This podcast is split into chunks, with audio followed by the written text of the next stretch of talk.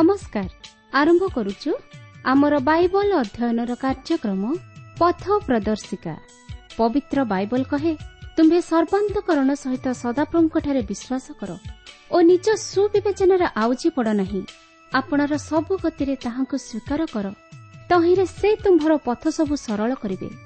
ଆସନ୍ତୁ ସେହି ପଥ ପ୍ରଦର୍ଶକଙ୍କର ସନ୍ଧାନ ପାଇବା ନିମନ୍ତେ ଶୁଣିବା ବେତାର କାର୍ଯ୍ୟକ୍ରମ ପଥ ପ୍ରଦର୍ଶିକା।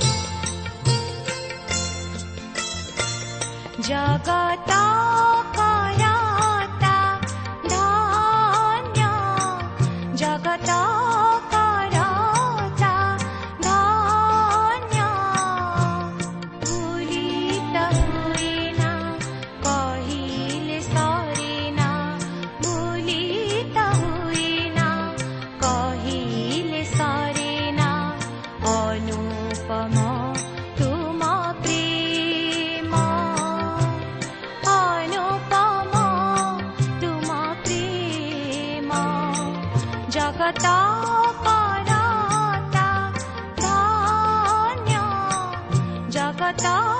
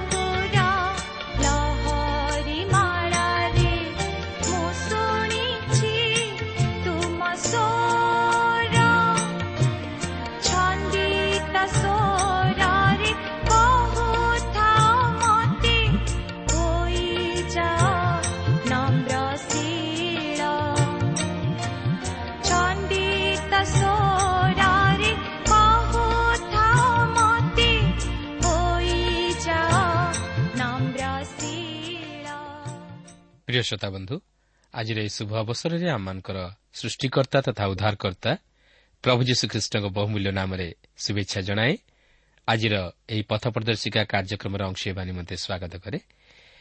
ଆପଣଙ୍କର ସହଯୋଗ ତଥା ମତାମତ ନିମନ୍ତେ ବିଶେଷ ଧନ୍ୟବାଦ। ଆପଣଙ୍କର ପ୍ରାର୍ଥନାର ଅନୁରୋଧ ରକ୍ଷା କରି ଆମେ ଆପଣଙ୍କ ନିମନ୍ତେ ପ୍ରାର୍ଥନା କରୁଅଛୁ।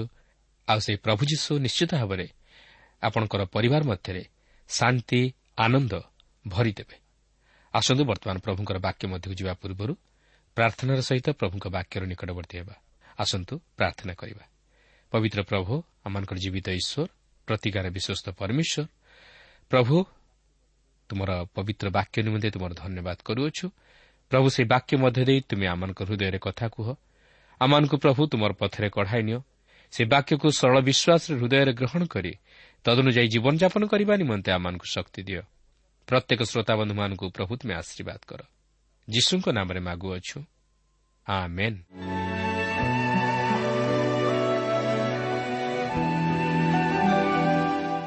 ଆସନ୍ତୁ ବର୍ତ୍ତମାନ ଆମେ ପ୍ରଭୁଙ୍କର ବାକ୍ୟ ମଧ୍ୟକୁ ଯିବା ଆଜି ଆମେ ପ୍ରଥମ ରାଜାବଳୀ ତାହାର ନଅ ଓ ଦଶ ପର୍ବ ଦୁଇଟିକୁ ଅଧ୍ୟୟନ କରିବା ନିମନ୍ତେ ଯିବା ଗତ ଆଲୋଚନାରେ ଆମେ ଅଧ୍ୟୟନ କରି ଦେଖିଥିଲୁ ସଲମୋନ ସଦାପ୍ରଭୁଙ୍କ ଉଦ୍ଦେଶ୍ୟରେ ମନ୍ଦିର ନିର୍ମାଣ କରି ତାହା ଉତ୍ସର୍ଗ କଲେ ଓ ମହା ଆଡ଼ମ୍ବରରେ ସେହି ଉତ୍ସର୍ଗୀକରଣ ଉତ୍ସବ ମଧ୍ୟ ପାଳନ କଲେ। କିନ୍ତୁ ଆଜି ଆମେ ଏହି ନଅ ପର୍ବରେ ଦେଖିବାକୁ ଯିବା ଯେ ସଲମନଙ୍କର ଖ୍ୟାତି ଚତୁର୍ଦିଗକୁ ବ୍ୟାପିଗଲା ଓ ସେ ମହାଜ୍ଞାନୀ ତଥା ମହାଧନୀ ରୂପେ ପରିଚିତ ହେଲେ। କାରଣ ତାହାଙ୍କ ପରି ମହାଜ୍ଞାନୀ କିମ୍ବା ମହାଧନୀ ରାଜା କେହି ନଥିଲେ। ଏପରିକି ଶିବା ଦେଶର ରାଣୀ ମଧ୍ୟ ସଲମନଙ୍କର ଜ୍ଞାନର କଥା ଶୁଣିବା ନିମନ୍ତେ ତାହାଙ୍କ ନିକଟକୁ ଆସିଥିଲେ।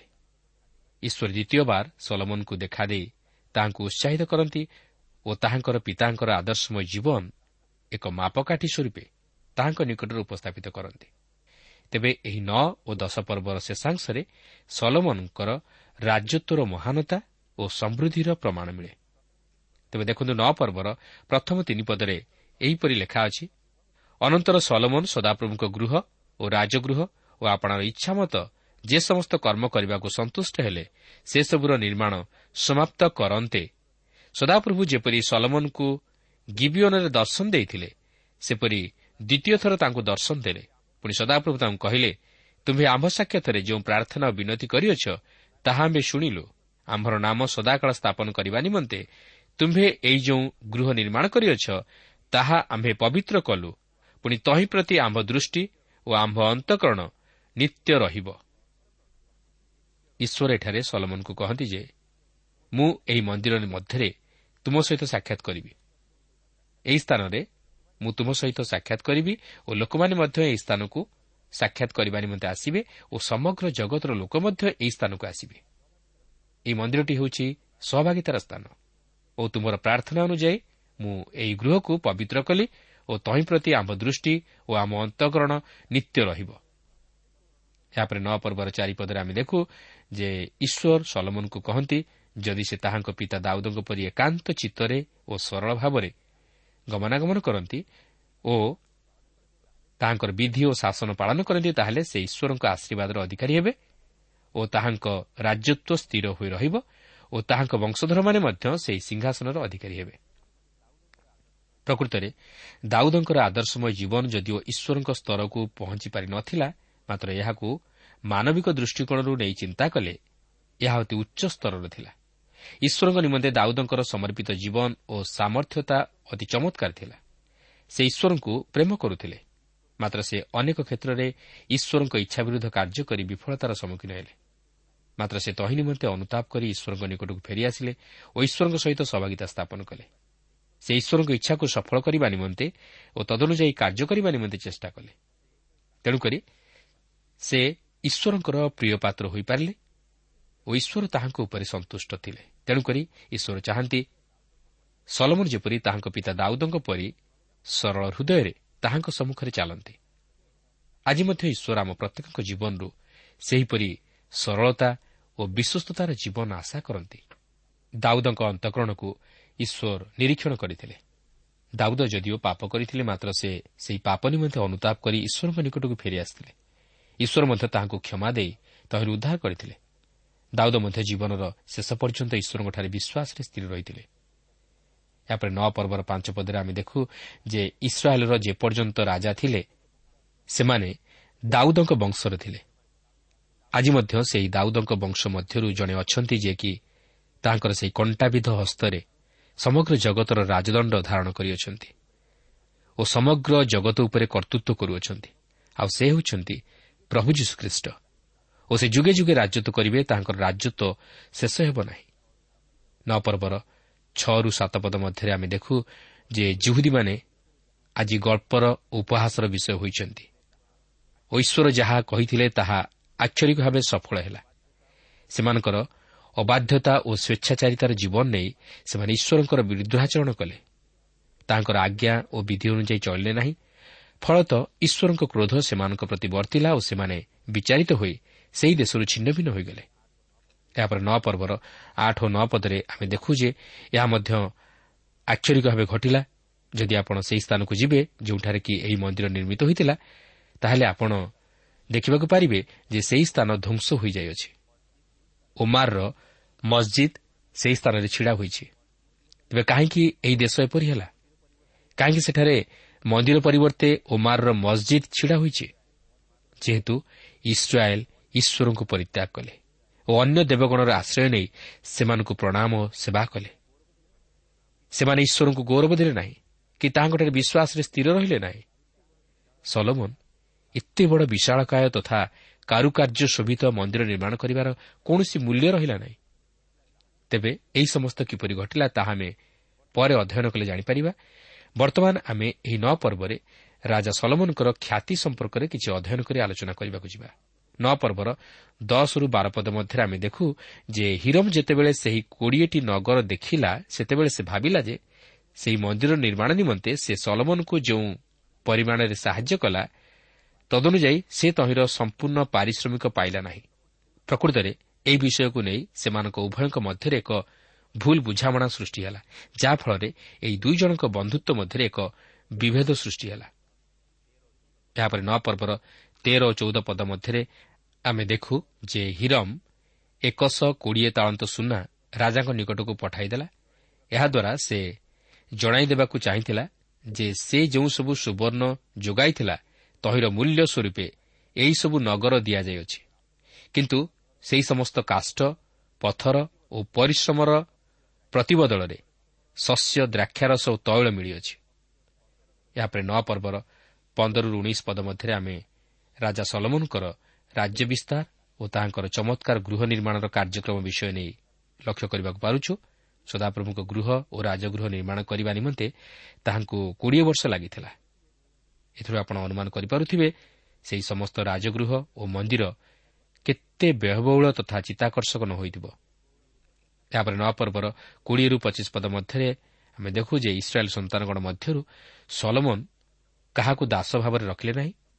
ମାତ୍ର ଯେଉଁ ସକଳ ଇମୋରିୟ ହିତୀୟ ପିରିସିୟ ହିଦୀୟ ଓ ଜିବୁସୀୟ ଲୋକମାନଙ୍କୁ ସେମାନେ ବର୍ଜିତ ରୂପେ ବିନାଶ କରିପାରିନଥିଲେ ସେମାନଙ୍କ ମଧ୍ୟରୁ ସଲମନ ପେଠିକର୍ମ କରିବା ପାଇଁ ଦାସ ସଂଗ୍ରହ କଲେ।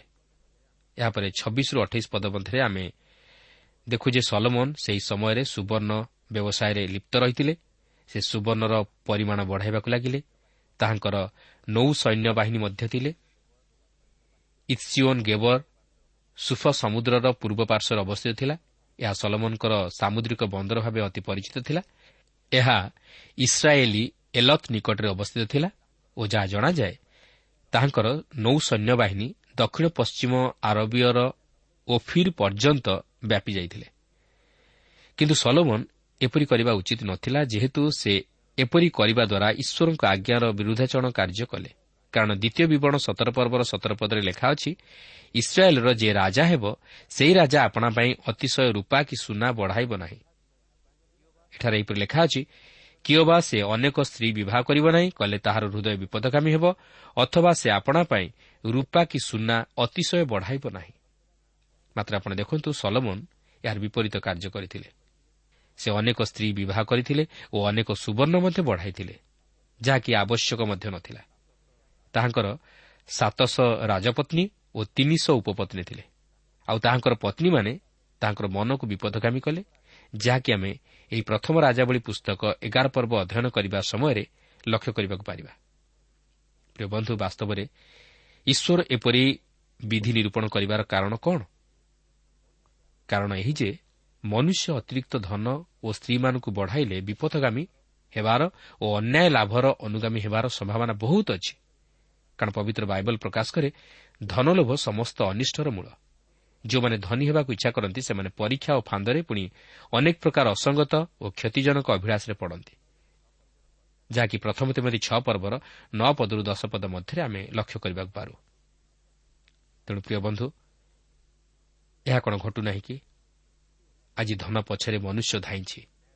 ଏଥିନିମନ୍ତେ ଯେତେ ଅନ୍ୟାୟ ତଥା ଅଧର୍ମ କରିବାକୁ ମଧ୍ୟ ମନୁଷ୍ୟ ପଛଉ ନାହିଁ। କେଉଁଠି ବି ଆପଣ ନ୍ୟାୟ କିମ୍ବା ବିଶ୍ୱସ୍ତତା ଲକ୍ଷ୍ୟ କରିବାକୁ ପାରିବେ ନାହିଁ। ପ୍ରତ୍ୟେକ ପ୍ରତ୍ୟେକଙ୍କର ଗଳା ଚିପିବାରେ ଲାଗିଛନ୍ତି। କେଉଁ ପ୍ରକାର ଧନ ବଢ଼ିବ ତାହା ହିଁ ସେମାନଙ୍କର ଚିନ୍ତା। ତେଣୁ ଈଶ୍ୱରଙ୍କ ନିମନ୍ତେ ଚିନ୍ତା କରିବା ପାଇଁ ସେମାନଙ୍କର ବେଳ ବା କେଉଁଠି ହେବ? ଧନ ଲାଭର ପଛରେ ଧାଇଁ ମନୁଷ୍ୟ ଆଜି ତାହାର ମାନବିକତା ହରାଇ ବସିଛି। ମନୁଷ୍ୟକୁ ମନୁଷ୍ୟ ବୋଲି ସେ ବିଚାର କରେ ନାହିଁ ତାହାର ହୃଦୟ ଅତି ନିଷ୍ଠୁର ହୋଇଯାଇଛି ଧନ ତାହାର ହୃଦୟକୁ ଅଧିକାର କରିନେଇଛି ଧନ ପାଇଁ ଆଜି ସେ ପାଗଳ ଯେହେତୁ ସେ ନିଜର ବାସ୍ତବ ଜ୍ଞାନ ତଥା ବୋଧଶକ୍ତି ମଧ୍ୟ ହରାଇ ବସିଛି ତା ନିମନ୍ତେ ସତ୍ୟ ଧର୍ମ ନ୍ୟାୟ ସହାନୁଭୂତି ବୋଲି କିଛି ନାହିଁ ଈଶ୍ୱରଙ୍କଠାରୁ ଧନ ତାହା ନିମନ୍ତେ ବଡ଼। ଏପରିକି ଧନ ପାଇଁ ସେ ସ୍ନେହ ମାୟାମମତା ମଧ୍ୟ ଭୁଲି ଯାଇପାରେ। ନିଜର ଭାଇକୁ ବାପାକୁ ମା'କୁ ସାନ ଭାଇ ଭଉଣୀକୁ ତଥା ଅନ୍ୟ ଲୋକମାନଙ୍କୁ ହତ୍ୟା ମଧ୍ୟ କରିଦେଇପାରେ। ବର୍ତ୍ତମାନ ମଧ୍ୟ ସେହିପରି ଅନେକ ଘଟଣା ଘଟୁଛି। ତେଣୁକରି ପବିତ୍ର ବାଇବଲ କହେ ଧନ ବଢ଼ିଲେ ତହିଁରେ ମନ ଦିଅ ନାହିଁ। ଆଜି ଆମେ ଆମ ଜୀବନରେ କାହାକୁ ପ୍ରଥମ ସ୍ଥାନ ଦେଇଛୁ? ଈଶ୍ୱରଙ୍କୁ ନା ଧନକୁ? କିନ୍ତୁ ଧନ ଆମକୁ ରକ୍ଷା କରିପାରିବ ନାହିଁ। ଧନ ଆମକୁ ଶାନ୍ତି ଦେଇପାରିବ ନାହିଁ। ଧନ ଆମକୁ ସୁଖ ନିଦ୍ରା ଦେଇପାରିବ ନାହିଁ। ଧନ ଆମକୁ ପରିତ୍ରାଣ ଦେଇପାରିବ ନାହିଁ। ଧନ ଆମକୁ ବିନାଶରୁ ରକ୍ଷା କରିପାରିବ ନାହିଁ। ମାତ୍ର ଏହା କେବଳ ଗୋଟିଏ ବିଷୟରେ ଆମକୁ ସାହାଯ୍ୟ କରିପାରିବ ତାହା କେବଳ ବିପଥ ଗମନରେ ଓ ବିନାଶର ପଥରେ କଢ଼ାଇ ନେଇପାରିବ। ଜ୍ଞାନୀରାଜ ସଲୋମନ ଏହି ଧନ ଅତ୍ୟଧିକ ବଢ଼ାଇବା ହେତୁ ତାଙ୍କ ଜୀବନ ବିପଦଗାମୀ ହେଲା ଓ ଶେଷରେ ସେ ଈଶ୍ୱରଙ୍କ ଦ୍ୱାରା ବିଚାରିତ ହେଲେ। ତେଣୁ ଆସୁ ଏଥିପ୍ରତି ସତର୍କ ରହି ଖ୍ରୀଷ୍ଟ ଯୀଶୁଙ୍କର ମହତ୍ ଅଭିମତକୁ ସଫଳ କରୁ। ଆସନ୍ତୁ ବର୍ତ୍ତମାନ ଦଶ ପର୍ବ ମଧ୍ୟକୁ ଯିବା। ଏହି ଦଶ ପର୍ବରେ ରାଜା ସଲମନଙ୍କର ପ୍ରଭାବ କି ପ୍ରକାର ଥିଲା ତହିଁର ଦୃଷ୍ଟାନ୍ତ ଆମେ ଲକ୍ଷ୍ୟ କରିବାକୁ ଯିବା। ଶିବା ଦେଶର ରାଣୀ ସଲମନଙ୍କୁ ପରିଦର୍ଶନ କରିବା ଦ୍ୱାରା ଜଣାଯାଏ ଯେ ସମଗ୍ର ଜଗତ ଉପରେ ସଲମନଙ୍କର ରାଜତ୍ୱ ଈଶ୍ୱରଙ୍କ ପ୍ରତିନିଧିତ୍ୱ କରୁଥିଲା। ଦେଖନ୍ତୁ ପ୍ରଥମ ରାଜାବଳୀ ଦଶ ପର୍ବର ପ୍ରଥମ ପଦରେ ଏହିପରି ଲେଖା ଅଛି ଅନନ୍ତର ଶିବା ଦେଶର ରାଣୀ ସଦାପ୍ରଭୁଙ୍କ ନାମ ସମ୍ବନ୍ଧରେ ସଲମନଙ୍କର ସୁଖ୍ୟାତି ଶୁଣି ନିଗୁଢ଼ ପ୍ରଶ୍ନ ଦ୍ୱାରା ତାଙ୍କୁ ପରୀକ୍ଷା କରିବା ପାଇଁ ଆସିଲା। ଦେଖନ୍ତୁ ଶିବାର ରାଣୀ ସଲମନଙ୍କ ନିକଟକୁ ଆସିଥିଲେ। ଯେହେତୁ ସେ ରାଜା ସଲମନଙ୍କ ବିଷୟ ନେଇ ଅନେକ କିଛି ଶୁଣିଥିଲେ। ସଲମନଙ୍କ ସୁଖ୍ୟାତିର ପରିଚୟ ପାଇଥିଲେ। ସେ ସେହି ସଲମନଙ୍କ ମନ୍ଦିର ବିଷୟ ନେଇ ଶୁଣିଥିଲେ ଯେଉଁଠାରେ କି ମନୁଷ୍ୟମାନେ ସଦାପ୍ରଭୁଙ୍କ ନିକଟରେ ନିବେଦନ କରୁଥିଲେ ଓ ତାହାଙ୍କ ସହ ସହଭାଗିତା ସ୍ଥାପନ କରୁଥିଲେ। ସେହି ରାଣୀ ସଲମନଙ୍କର ଜ୍ଞାନର କଥା ମଧ୍ୟ ଶୁଣିଥିଲେ। ତେଣୁକରି ସେ ଅନେକ ଜଟିଳ ପ୍ରଶ୍ନ ନେଇ ତାହାଙ୍କୁ ପରୀକ୍ଷା କରିବା ପାଇଁ ଆସିଥିଲେ। ଦଶ ପର୍ବର ଦୁଇ ପଦରୁ ପାଞ୍ଚ ପଦ ମଧ୍ୟରେ ମୁଁ ଗୋଟିଏ ବିଷୟ ଉପରେ ଆପଣଙ୍କର ଦୃଷ୍ଟି ଆକର୍ଷଣ କରିବା ପାଇଁ ଚାହେଁ ତାହା ହେଉଛି ସଦାପ୍ରଭୁଙ୍କ ଗୃହକୁ ଉଠିଯିବା ପାଇଁ ତାହାର ପାବଚ୍ଛ। ଏହିସବୁ ଦେଖି ସେ ହତଜ୍ଞାନ ହେଲା। ଅନ୍ୟ ଅର୍ଥରେ କହିବାକୁ ଗଲେ ସଦାପ୍ରଭୁଙ୍କ ଗୃହକୁ ଉଠିଯିବା ପାଇଁ ସଲମନଙ୍କ ହୋମବଳୀର ପ୍ରଥାକୁ ଦେଖି ସେ ହତଜ୍ଞାନ ହେଲେ। ସଲମନ ଯିଏ ହୋମବଳି ଉଚ୍ଚର କରି ସଦାପ୍ରଭୁଙ୍କର ନିକଟବର୍ତ୍ତୀ ହେଉଥିଲେ ଓ ତାହାଙ୍କ ନିକଟରେ ନିବେଦନ କରୁଥିଲେ ସେହି ବିଷୟରେ ସେ ସାକ୍ଷୀ ହେଲେ। ତେବେ ଏହି ହୋମବଳି ଅନ୍ୟାନ୍ୟ ବଳି ଅପେକ୍ଷା ପ୍ରଭୁ ଯୀଶୁଖ୍ରୀଷ୍ଟଙ୍କର ଜୀବନକୁ ଓ ତାହାଙ୍କର ସେହି ମୃତ୍ୟୁକୁ ସମ୍ପୂର୍ଣ୍ଣ ରୂପେ ପ୍ରକାଶ କରେ। କାରଣ ଏଭ୍ରି ନଅ ପର୍ବର ବାଇଶ ପଦ ଏହିପରି ପ୍ରକାଶ କରେ ପୁଣି ବ୍ୟବସ୍ଥା ଅନୁସାରେ ପ୍ରାୟ ସମସ୍ତ ବିଷୟ ରକ୍ତ ଦ୍ୱାରା ସୂଚୀକୃତ ହୁଏ ଆଉ ରକ୍ତପାତ ବିନା ପାପମୋଚନ ହୁଏ ନାହିଁ। ତେଣୁ ସେହି ହୋମବଳି ସେହି ରାଣୀଙ୍କ ନିମନ୍ତେ ଏକ ସାକ୍ଷ୍ୟ ସ୍ୱରୂପ ଥିଲା। ସେ ମଧ୍ୟ ସଲମନଙ୍କର ଜ୍ଞାନ ଓ ତାହାଙ୍କର ସେହି ଗୃହ ନିର୍ମାଣର ଯୋଜନାକୁ ଦେଖି ଅତି ଚମତ୍କୃତ ହୋଇଯାଇଥିଲେ। କାରଣ ସେ ଅତି ବୁଦ୍ଧିର ଓ ଯୋଜନାର ସହିତ ସେହି ପ୍ରାସାଦ ମନ୍ଦିର ଓ ଅନ୍ୟାନ୍ୟ ଗୃହଗୁଡ଼ିକୁ ମଧ୍ୟ ନିର୍ମାଣ କରିଥିଲେ।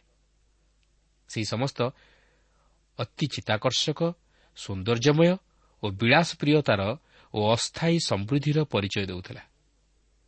କିଛି ସମୟ ନିମନ୍ତେ ଈଶ୍ୱରଙ୍କୁ ଲୋକମାନେ ତାହାଙ୍କ ପ୍ରତି ବିଶ୍ୱସ୍ତତା ଓ ସତ୍ୟତାର ସହିତ ଆଚରଣ କରିଥିଲେ ଓ ସାକ୍ଷୀ ହୋଇଥିଲେ। ତେଣୁକରି ଶିବାର ରାଣୀ ଯେଉଁସବୁ ବିଷୟ ଶୁଣିଥିଲେ ଓ ସ୍ୱଚକ୍ଷୁରେ ଦେଖିଲେ ସେହିସବୁରେ ବିଶ୍ୱାସ କରି ତହିଁରେ ମନୋଯୋଗ କରିଥିଲେ।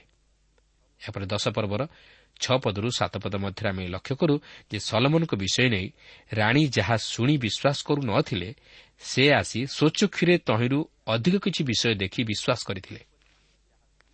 ଏପରିକି ସେ ଯାହା ଶୁଣି ନ ଥିଲେ ତାହା ମଧ୍ୟ ସ୍ୱଚକ୍ଷୁରେ ଦେଖିଲେ।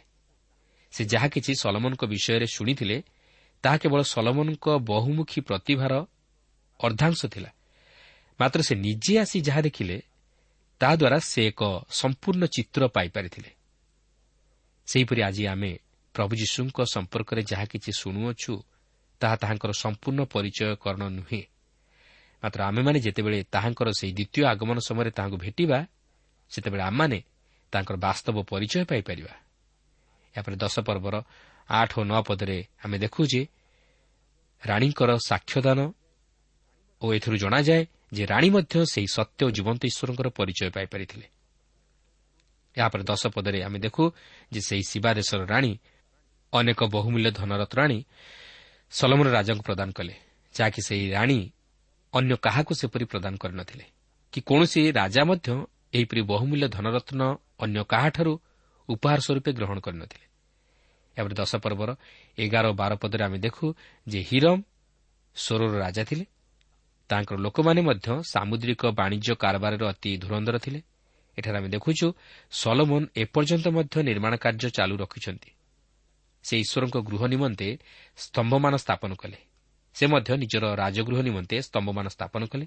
ଏପରିକି ଗାୟକମାନଙ୍କ ନିମନ୍ତେ ବୀଣା ଓ ନେବଲ ନିର୍ମାଣ କଲେ। ଆଉ ଏହି ସମସ୍ତ ଚନ୍ଦନ କାଷ୍ଠରେ ନିର୍ମିତ ହୋଇଥିଲା। ଏହାପରେ ଦଶ ପର୍ବର ତେର ପଦରେ ଆମେ ଦେଖୁ ଯେ ଶିବାର ରାଣୀ ସେହି ସମୟରେ ଅନେକ ଲୋକମାନଙ୍କ ନିମନ୍ତେ ଅର୍ଥାତ୍ ଯେଉଁମାନେ ସତ୍ୟ ତଥା ଜୀବନ୍ତ ଈଶ୍ୱରଙ୍କର ପରିଚୟ ପାଇବା ନିମନ୍ତେ ସତ୍ୟ ତଥା ଜୀବନ୍ତ ଈଶ୍ୱରଙ୍କର ନିକଟବର୍ତ୍ତୀ ହେଉଥିଲେ ସେମାନଙ୍କ ନିମନ୍ତେ ସେ ଏକ ଆଦର୍ଶ ସ୍ୱରୂପ ଥିଲେ। ଠିକ୍ ସେହିପରି ନୂତନ ନିୟମରେ ଆମେ ପ୍ରେରିତ ପୁସ୍ତକରେ ଦେଖୁ ଯେ କେତେକଙ୍କ ବିଷୟ ନେଇ ପ୍ରକାଶ କରାଯାଏ ଯେଉଁମାନେ କି ସେହି ସମୟରେ ଆଦର୍ଶ ସ୍ୱରୂପ ଥିଲେ। ସେମାନଙ୍କ ମଧ୍ୟରୁ ଇଥିଓପିଆର ନପୁଂସକ ତାର୍ସର ସାଉଲ ଓ କର୍ଣ୍ଣିଲିୟ। ଏମାନଙ୍କର ଆଦର୍ଶମୟ ଜୀବନ ଅନେକଙ୍କୁ ଖ୍ରୀଷ୍ଟଙ୍କ ନିକଟବର୍ତ୍ତୀ କରାଇ ପାରିଥିଲା।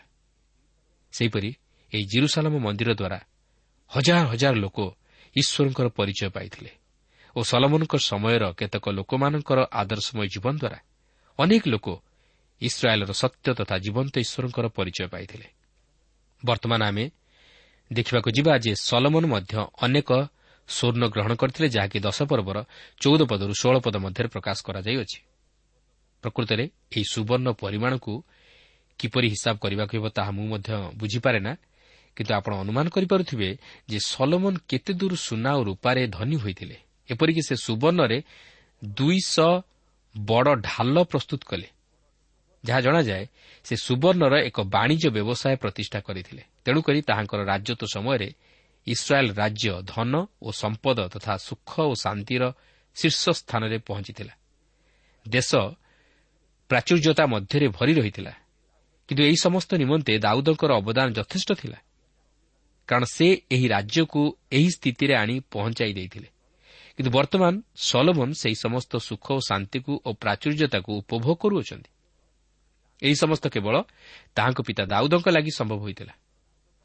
ଦଶ ପର୍ବର ସତରରୁ ଏକୋଇଶ ପଦ ମଧ୍ୟରେ ଆମେ ଦେଖୁ ଯେ ସଲମନଙ୍କ ରାଜତ୍ୱ କାଳ କେତେ ଦୂର? ସୁଖ ସମୃଦ୍ଧି ଓ ପ୍ରାଚୁର୍ଯ୍ୟତାର ଶୀର୍ଷ ସୀମାରେ ପହଞ୍ଚି ପାରିଥିଲା। ଦଶ ପର୍ବର ବାଇଶ ପଦରେ ଲେଖା ଅଛି କାରଣ ସମୁଦ୍ରରେ ହିରମର ଜାହାଜ ସଙ୍ଗେ ରାଜାଙ୍କର ତର୍ଶିସଗାମୀ ଜାହାଜ ଥିଲା। ସେହି ତର୍ଶିସ୍ର ଜାହାଜମାନ ତିନି ବର୍ଷରେ ଥରେ ସୁନା ଓ ରୂପା ହସ୍ତିଦନ୍ତ ଓ ବାନର ଓ ମୟୂର ନେଇ ଆସନ୍ତି। ତେବେ ଏହି ସମସ୍ତ ବିଷୟ ବିଳାସ ପ୍ରିୟତାର ପରିଚୟ ଦିଏ। ବାନର ଚିତ୍ତ ବିନୋଦନ ନିମନ୍ତେ ରଖାଯାଇଥିଲା। ଏଗୁଡ଼ିକ ସଲମନଙ୍କର ଚିଡ଼ିଆଖାନାରେ ରଖାଯାଇଥିଲା। ସେହିପରି ମୟୂର ମଧ୍ୟ ସୌନ୍ଦର୍ଯ୍ୟତା ନିମନ୍ତେ ରଖାଯାଇଥିଲା ଓ ଏଥିସହିତ ସୁନା ରୂପା ଓ ହସ୍ତିଦନ୍ତ ପ୍ରଭୃତି ଚମତ୍କାର ସାଜସଜା ନିମନ୍ତେ ବ୍ୟବହାର କରାଯାଇଥିଲା। ତେବେ ଏହି ସମସ୍ତ ଆଡ଼ମ୍ବର ଓ ସାଜସଜା ତଥା ଭୋଗବିଳାସର ବିଷୟ ସଲମନଙ୍କର ଆତ୍ମିକ ଜୀବନର ଅବନତିର କାରଣ ହେଲା। କାରଣ ସେ ଜଗତ ନିକଟରେ ସାକ୍ଷୀ ହେବାକୁ ଥିଲା। ମାତ୍ର ଜଗତ ନିକଟରେ ସେ ନିଜର ଆଦର୍ଶ ଜୀବନ ଦ୍ୱାରା ସତ୍ୟ ଓ ଜୀବନ୍ତ ଈଶ୍ୱରଙ୍କୁ ପ୍ରକାଶ କରିପାରିଲେ ନାହିଁ। ମାତ୍ର ସେ ତାହାଙ୍କ ଜୀବନର ଅଧିକାଂଶ ସମୟ ଓ ଶକ୍ତି ସେହି ସମସ୍ତ ବାନର ଓ ମୟୂରମାନଙ୍କ ନିମନ୍ତେ ଦେଇଥିଲେ ନିଜର ଅଭିଳାଷକୁ ମୋଚନ କରିବା ପାଇଁ। କିନ୍ତୁ ତାହା ଠିକ୍ ନ ଥିଲା ଦଶ ପର୍ବର ତେଇଶ ଓ ଚବିଶ ପଦରେ ଆମେ ଦେଖୁ ଯେ ଏହି ସମୟରେ ଇସ୍ରାଏଲ୍ ରାଜ୍ୟ ତାହାର ସମୃଦ୍ଧି ଓ ପ୍ରାଚୁର୍ଯ୍ୟତାର ଶୀର୍ଷ ସୀମାରେ ପହଞ୍ଚିଥିଲା ଓ ଏଥିସହିତ ଜଗତ ନିକଟରେ ସତ୍ୟ ଓ ଜୀବନ୍ତ ଈଶ୍ୱରଙ୍କ ନିମନ୍ତେ ସାକ୍ଷୀ ହୋଇପାରିଥିଲା। ଶିବାଦେଶର ରାଣୀ ଯେ ଜଗତ ନିକଟରେ ଇସ୍ରାଏଲ୍ର ଈଶ୍ୱରଙ୍କ ନିମନ୍ତେ ସାକ୍ଷୀ ହୋଇଥିଲେ ତାହା ଆମେ ଏଥିପୂର୍ବରୁ ଦେଖିଥିଲୁ ଓ ବର୍ତ୍ତମାନ ଆମେ ଦେଖୁଛୁ ଯେ ଲୋକମାନେ ସଲମନଙ୍କର ଜ୍ଞାନର କଥା ଶୁଣିବାକୁ ଜିରୁସଲମକୁ ଆସୁଅଛନ୍ତି ଓ ସଲମନ ମଧ୍ୟ ଜଗତ ନିକଟରେ ଇସ୍ରାଏଲ୍ର ଈଶ୍ୱରଙ୍କୁ ଅତି ଚମତ୍କାର ଭାବେ ପ୍ରକାଶ କରୁଅଛନ୍ତି ଓ ଈଶ୍ୱରଙ୍କ ନିମନ୍ତେ ସାକ୍ଷୀ ହେଉଅଛନ୍ତି। ଦଶ ପର୍ବର ପଚିଶ ପଦକୁ ଯଦି ଆମେ ଲକ୍ଷ୍ୟ କରିବା ତାହେଲେ ଏହି ସମସ୍ତ ଲୋକମାନଙ୍କଠାରୁ ସଲମନ ଯେଉଁ ସମସ୍ତ ଉପହାର ଗ୍ରହଣ କଲେ ତାହାଦ୍ୱାରା ସେ ନିଜର ରାଜ୍ୟକୁ ମଧ୍ୟ ସମୃଦ୍ଧିର ଶୀର୍ଷ ସୀମାରେ ନେଇ ପହଞ୍ଚାଇ ଦେଇଥିଲେ। କିନ୍ତୁ ପରେ ପ୍ରକୃତରେ ଯେତେବେଳେ ରାଜ୍ୟ ଦୁଇ ଭାଗରେ ବିଭକ୍ତ ହୋଇ ଦୁର୍ବଳ ହୋଇଗଲା ସେତେବେଳେ ଏହା ଶତ୍ରୁର ହସ୍ତଗତ ହେଲା ଓ ସେମାନେ ଏହି ସମସ୍ତ ଧନ ଦୌଲତ ପ୍ରତି ଆସକ୍ତ ହୋଇ ଏହି ନଗର ଓ ତହିଁର ସମସ୍ତ ମୂଲ୍ୟବାନ ବସ୍ତୁକୁ ଲୁଣ୍ଠନ କରି ତାହାକୁ ଧ୍ୱଂସ କରିଦେଲେ। ଏହାପରେ ଦଶ ପର୍ବର ଛବିଶ ପଦରେ ଲେଖା ଅଛି ଆଉ ସଲମନ ରଥ ଓ ଅଶ୍ୱାରୋହୀମାନଙ୍କୁ ସଂଗ୍ରହ କଲେ। ତାଙ୍କର ଏକ ହଜାର ଚାରିଶହ ରଥ ଓ ବାର ହଜାର ଅଶ୍ୱାର ହୋଇଥିଲେ ସେମାନଙ୍କୁ ସେ ରଥ ନଗରମାନରେ ଓ ରାଜାଙ୍କ ନିକଟରେ ଜିରୁସାଲାମରେ ରଖିଲେ। ସଲମନ ଏହିପରି ଅନେକ ଅଶ୍ୱମାନଙ୍କୁ ଓ ଅଶ୍ୱାରୋହୀମାନଙ୍କୁ ରଖିବା ଦ୍ୱାରା ଈଶ୍ୱରଙ୍କର ଆଜ୍ଞା ବିରୁଦ୍ଧ କାର୍ଯ୍ୟ କଲେ। ଈଶ୍ୱର ଚାହିଁନଥିଲେ ଯେ ଇସ୍ରାଏଲ୍ର ରାଜାମାନେ ସେମାନଙ୍କର ଅଶ୍ୱ ଉପରେ ନିର୍ଭର କରନ୍ତୁ କିମ୍ବା ସେହି ଅଶ୍ୱ ନିମନ୍ତେ ପୁନର୍ବାର ମିଶ୍ରକୁ ଗମନ କରନ୍ତୁ। ସଲମନ ତାହା ଜାଣିଲେ ମଧ୍ୟ ଈଶ୍ୱରଙ୍କ ଇଚ୍ଛା ବିରୁଦ୍ଧରେ ଯାଇ ଅନେକ ଅଶ୍ୱମାନଙ୍କୁ ରଖିଲେ। ତାହାଙ୍କର ଏକ ହଜାର ଚାରିଶହ ରଥ ଓ ବାର ହଜାର ଅଶ୍ୱାର ହୋଇଥିଲେ ତେବେ ସଲୋମନ ଅନେକ ଅଶ୍ୱ ରଖିବା କୌଣସି ଆବଶ୍ୟକ ନଥିଲା। କିନ୍ତୁ ଏହି ସମସ୍ତ ଅଶ୍ୱ ରଖିବା ଦ୍ୱାରା ଓ ଅଶ୍ୱାରୋହୀମାନଙ୍କୁ ରଖିବା ଦ୍ୱାରା ତାହାଙ୍କର ନିର୍ଭରତା ଈଶ୍ୱରଙ୍କ ଉପରେ ନଥିଲା। ମାତ୍ର ଅଶ୍ୱଗଣର ଉପରେ ଥିଲା। ସେ ଈଶ୍ୱରଙ୍କ ଉପରେ ନିର୍ଭର ନ କରି ଅଶ୍ୱମାନଙ୍କ ଉପରେ ନିର୍ଭର କଲେ। କିନ୍ତୁ ପବିତ୍ର ବାଇବଲ କହେ ରକ୍ଷାର୍ଥେ ଅଶ୍ୱ ମିଥ୍ୟା। ବାସ୍ତବରେ ଅଶ୍ୱ ଉପରେ ନିର୍ଭର କରି କୌଣସି ମନୁଷ୍ୟ ବା ରାଜା ଜୟୀ ହୋଇପାରିବ ନାହିଁ। ଆମେ ଦେଖୁ ଯେ ଇସ୍ରାଏଲ୍ ସନ୍ତାନଗଣ ଯେତେବେଳେ ସେହି ମିଶ୍ର ଦେଶରୁ ବାହାର ହୋଇ ଆସିଲେ ସେତେବେଳେ ମିଶ୍ରୀୟମାନେ ସେମାନଙ୍କର ରଥ ଓ ଅଶ୍ୱ ସହିତ ସେମାନଙ୍କର ପଛେ ପଛେ ଗୁଡ଼ାଇଲେ ମାତ୍ର ସେମାନେ ସେହି ସୁଫସାଗରରେ ମଗ୍ନ ହେଲେ। ପ୍ରିୟ ବନ୍ଧୁ ଆମେ ଯଦି ଈଶ୍ୱରଙ୍କ ଉପରେ ନିର୍ଭର କରୁ ଓ ତାହାଙ୍କ ଆଜ୍ଞାର ବଶୀଭୂତ ହୋଇ ଜୀବନଯାପନ କରୁ ତାହେଲେ ଆମେ କେବେ ହେଲେ ଶତ୍ରୁ ସମ୍ମୁଖରେ ପରାଜିତ ହେବା ନାହିଁ। ସେହି ଈଶ୍ୱର ଆମମାନଙ୍କର ସପକ୍ଷ ହୋଇ ଆମମାନଙ୍କୁ ବିଜୟୀ ହେବା ନିମନ୍ତେ ଶକ୍ତି ଦେବେ। ଏହାପରେ ଦଶ ପର୍ବର ସତେଇଶରୁ ଅଣତିରିଶ ପଦରେ ଆମେ ଦେଖୁ ଯେ ପ୍ରକୃତରେ ସଲୋମନ ସୁନା ରୂପା ଓ ବହୁ ମୂଲ୍ୟବାନ ପଥରରେ ଅତି ଧନଶାଳୀ ଥିଲେ। ସେ କେବଳ ଧନ ସଂଗ୍ରହ କରିବାରେ ଓ ସେହିସବୁକୁ ଉପଭୋଗ କରିବାରେ ବ୍ୟସ୍ତ ରହିଲେ। ସେ ନିଜର ଚିତ୍ତ ବିନୋଦନ ଓ ଅବସର ବିନୋଦନ ନିମନ୍ତେ ସମୟଗୁଡ଼ିକୁ ଅତିବାହିତ କଲେ। ମାତ୍ର ଈଶ୍ୱରଙ୍କ ବାକ୍ୟ ପ୍ରତି ବିଶେଷରେ ଧ୍ୟାନ ଦେଇପାରିଲେ ନାହିଁ। ସେ ଜଗତର ପ୍ରାଚୁର୍ଯ୍ୟତା ମଧ୍ୟରେ ବୁଡ଼ି ରହି ଈଶ୍ୱରଙ୍କୁ ଭୁଲିଗଲେ। ପ୍ରିୟ ବନ୍ଧୁ ଆଜି ଆମେ କେଉଁ ବିଷୟ ଦେଖିବାରେ ବା ଉପଭୋଗ କରିବାରେ ଅଧିକ ସମୟ ଦେଉଛୁ? ଈଶ୍ୱରଙ୍କ ବାକ୍ୟରେ ନା ଜଗତର ବିଷୟରେ। ପ୍ରଭୁ ପ୍ରତ୍ୟେକଙ୍କୁ ଏକ ଆତ୍ମସମୀକ୍ଷାରେ ଜୀବନ ଦାନ କରନ୍ତୁ। ପ୍ରଭୁ